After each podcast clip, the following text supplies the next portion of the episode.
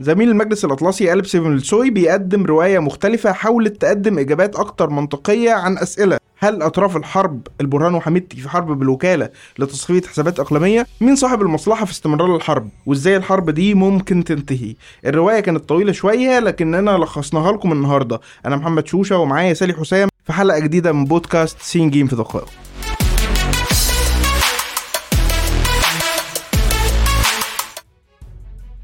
دايما بيتقال إن أطراف إقليمية حركت حرب السودان عشان توسع أرباحها في المنطقة. هل اللي بيحصل في السودان حاليا يستاهل وصف حرب بالوكالة؟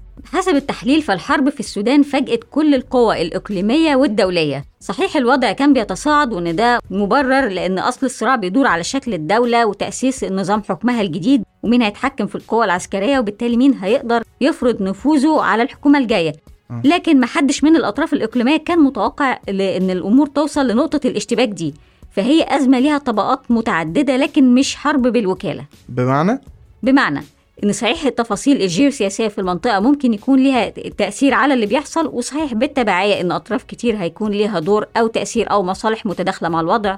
وصحيح كمان إن الميول الشخصية والسياسية للبرهان ودقله موجودة لكن الرهان على تأثير كل ده على تشكيل تحالفات الفريقين مع القوى الإقليمية متباينة الأيديولوجيات مش هيكون دقيق بدرجة كاملة. التحليل وصف التحالفات الحالية بالانسيابية. وضرب مثال على كده بأن الجنرال خليفة حفتر احتمال يكون بعت قوات محدودة من الجيش الوطني الليبي للقتال مع داكلو اللي هو استعاد قوات الدعم السريع اللي كانت بتحارب في ليبيا. في حين مصر اللي دعمت حفتر فبحكم التاريخ والجغرافيا روابطها أقوى مع الجيش السوداني. والإمارات والسعودية اللي كمان دعموا حفتر طوروا روابط قوية مع مختلف القيادات السياسية والعسكرية في السودان.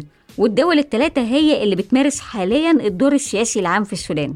ملاحظ في التحليل اللي إحنا بنتكلم فيه إن كل ال- القوى اللي قلناها هي دول إقليمية. فين القوى الدولية في اللي بيحصل في السودان؟ ده بالظبط اللي ركز عليه التحليل اللي هو بيقول إن من مصلحة الغرب دلوقتي دعم جهود السيسي باعتبار إن هو صاحب رؤية في ملف القيادة العسكرية لشمال أفريقيا لضمان الاستقرار طويل الأمد في السودان وفي المنطقة ككل.